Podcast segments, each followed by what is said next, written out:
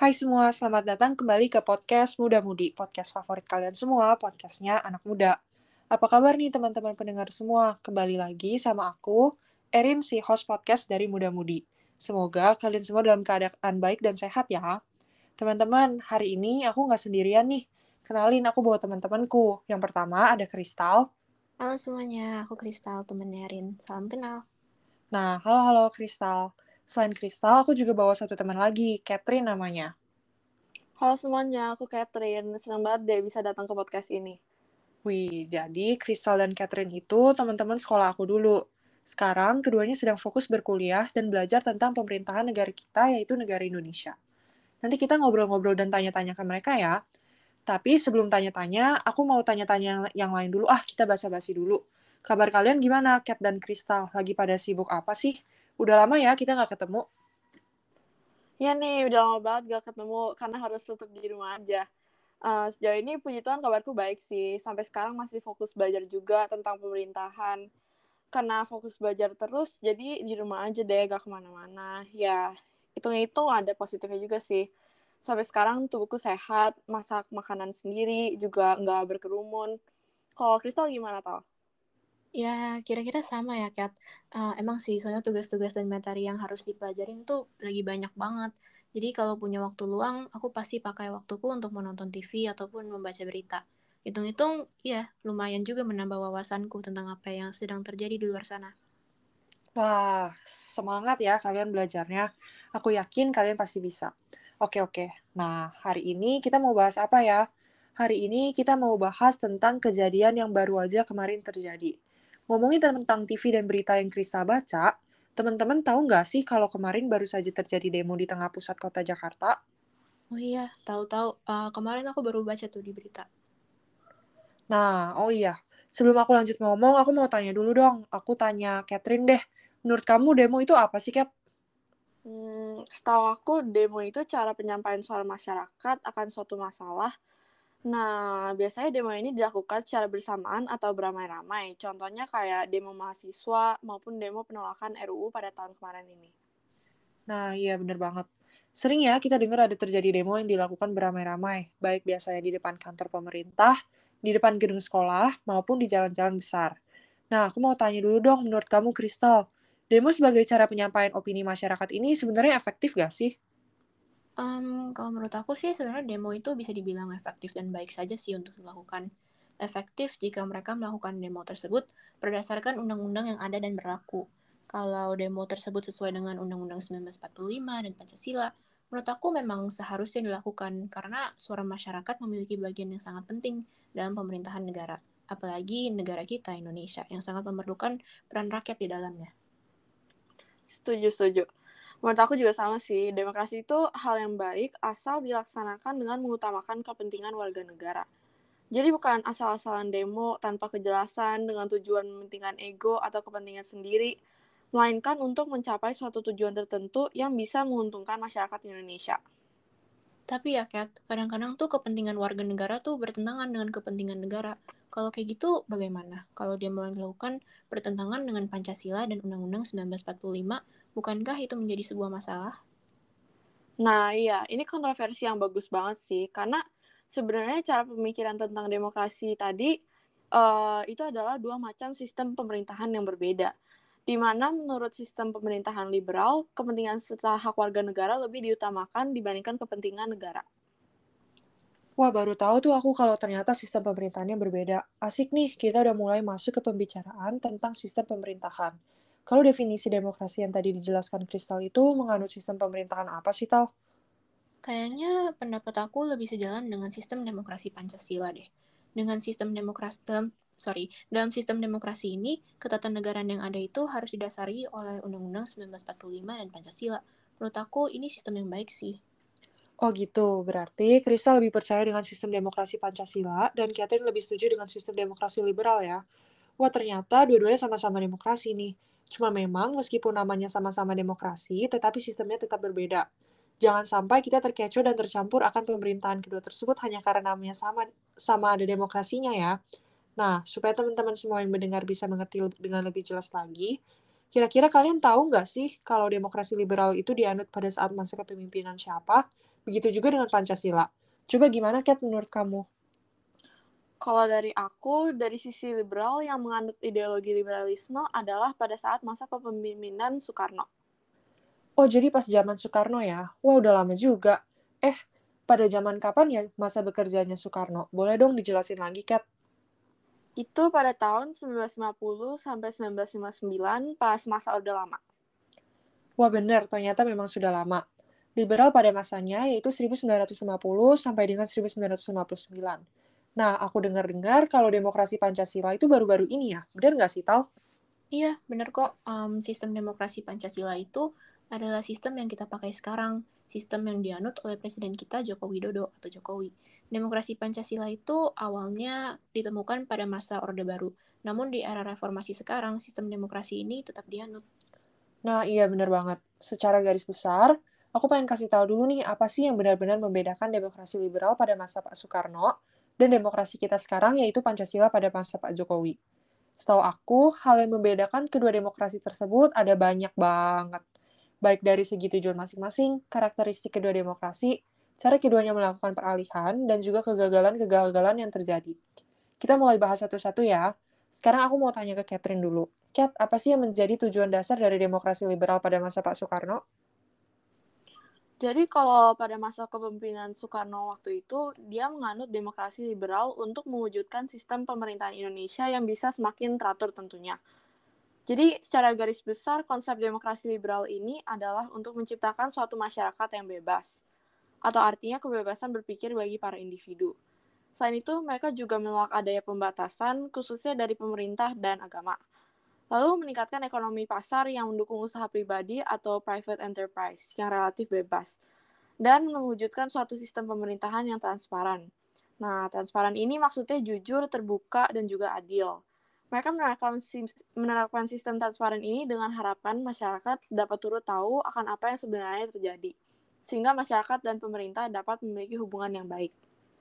Oh gitu, benar-benar. Berarti dulu liberal masih fokus banget untuk kepuasan masing-masing ya? Iya, bener banget. Karena dulu dengan sekarang masih benar-benar beda ya.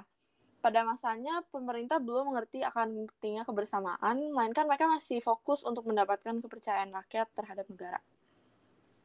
Berarti yang menjadi poin untuk demokrasi liberal adalah fokusnya akan kepentingan rakyat atau individu ya. Nah, kalau dari sisi demokrasi Pancasila gimana tal? Apakah pada masa Jokowi ini masih mengandung tujuan yang sama seperti pada masa demokrasi liberal, yang fokus akan mendapatkan kepercayaan masyarakat? Hmm, tidak terlalu sirin. Berbeda dengan zaman dahulu, sekarang demokrasi Pancasila itu sangat mementingkan kepentingan bersama dengan catatan bahwa Undang-Undang 1945 serta Pancasila menjadi standar hal tersebut. Demokrasi ini memiliki tujuan untuk mengutamakan musyawarah mufakat, sehingga pemerintah kita tuh tidak memiliki hak untuk mengambil keputusan sendiri. Uh, segala keputusan yang diambil pemerintah didapatkan melalui pemungutan suara Hal ini memastikan bahwa keputusan-keputusan yang diambil oleh pemerintah menaruh kepentingan negara dan warga negaranya di paling atas. Sistem yang menurut aku cukup adil sih, karena meskipun suara masyarakat didengar oleh pemerintah, keputusan-keputusan yang diambil masih ada batasannya, yaitu Undang-Undang 1945 dan juga Pancasila. Um, dengan ini, pemerintah tidak seenaknya melakukan apa yang rakyat inginkan tanpa memikirkan kebenaran dan, moral dan moralitas bangsa. Oke, oke. Aku ulang ya. Jadi secara garis besar, tujuan dari demokrasi liberal seperti yang tadi dibilang Catherine, masih sangat mementingkan kepentingan masyarakat. Nah, beda dengan sistem liberal yang dulu. Si demokrasi Pancasila yang sekarang masih kita gunakan, sudah tidak lagi individualis, melainkan lebih mementingkan kepentingan negara secara keseluruhan, yang di mana didasarkan oleh Undang-Undang Dasar 1945. Asik nih. Oke, kita lanjut. Kalau ke karakteristik masing-masing sistem pemerintahannya menurut kalian gimana? Kalau dari aku, zaman Soekarno karakteristiknya adalah parlemen memegang kekuasaan politik yang sangat besar. Selain itu, mereka juga menganut sistem multipartai. Multipartai? Baru pernah dengar tuh, multipartai apaan sih? Gimana tuh, Cat, sistem multipartai? Nah, jadi multipartai itu artinya sistem pemerintahannya terdiri atas berbagai partai politik. Dan menurut aku ini emang kurang cocok sih untuk dilaksanakan pada masa liberalisme kalau misalnya saat pemilu, pemilihan presiden dan parlemennya diselenggarakan secara terpisah, maka kemungkinan presiden yang terpilih adalah presiden yang tidak mendapatkan dukungan mayoritas di parlemen. Oh gitu, ya ya ya. Ya, oke. Balik ke pertanyaan tadi. Jadi, karakteristik lainnya adalah kabinet pemerintahannya tidak stabil dan sering berganti-ganti hukum secara tertulisnya. Selain itu, yang menjadi highlight juga adalah pertama kali pemilu diadakan pada tahun 1955. Oh, baru tahu tuh aku. Berarti zaman Soekarno itu di tahun 1955 adalah pertama kali Indonesia melaksanakan pemilu ya, Kat? Mm -mm, bener banget. Itu jadi salah satu sejarah Indonesia yang bisa kalian ingat ya. Oh gitu, ngerti-ngerti. Nanti aku ingetin deh. Kristal, kalau pada masa demokrasi Pancasila, gimana karakteristiknya? Nah, kalau untuk demo, sistem demokrasi Pancasila sih ya, karakteristik terbesarnya itu seperti yang dari tadi kita bahas, yaitu bahwa sistem ini tuh mendahulukan kepentingan rakyat daripada kepentingan pribadi atau golongan.